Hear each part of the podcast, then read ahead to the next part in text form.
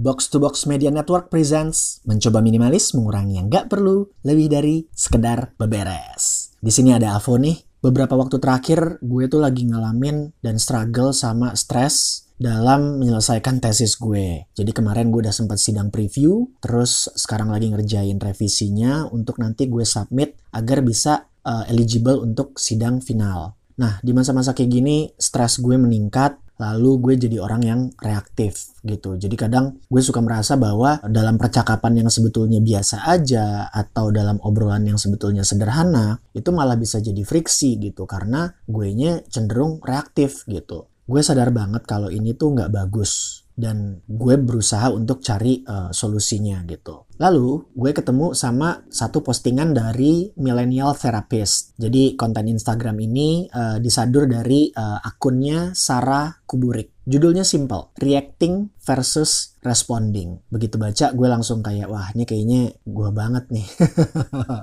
Wajangan yang gue cari-cari gitu. Di postingan ini dijelaskan secara singkat gitu ya, apa sih reacting, apa sih responding. Jadi yang namanya reacting atau reaksi itu cenderung instan. Biasanya sifatnya impulsif dan kurang ada perspektif atau kesadaran diri untuk mengetahui efek jangka panjangnya. Lalu reaksi atau kata-kata yang keluar itu biasanya disebabkan oleh trigger, prinsip hidup, uh, insecurities juga bisa, lalu ada fears atau ketakutan, luka atau trauma masa lampau, dan bias. Lalu, yang namanya reaksi itu sering bersifat provokatif atau defensif dan cenderung mengarah ke konflik atau friksi. Gue langsung tertohok nih bacanya. Kayak kena uppercut gitu, lalu disusul sama uh, front kick ke ulu hati. Snap.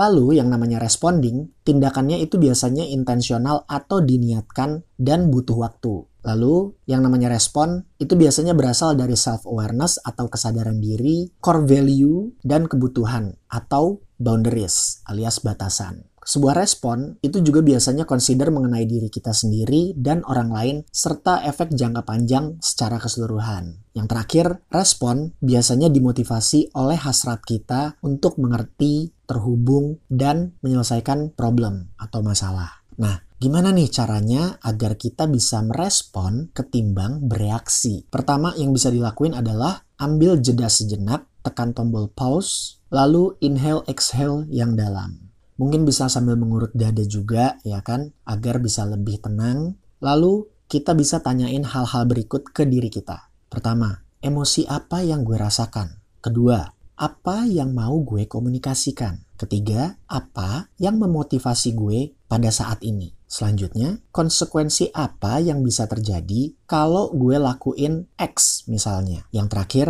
apakah aksi gue ini merepresentasikan diri gue atau enggak? Ini perlu dicatat ya temen ya, bahwa yang namanya reaksi internal mungkin akan selalu sama. Kalau kita diganggu misalnya, ya pasti ada rasa marah. Kalau kita ditolak, pasti rasanya kecewa, dan lain-lain. Tapi kita selalu bisa punya opsi bagaimana kita merespon. Ini yang jadi PR gue nih kayaknya ya.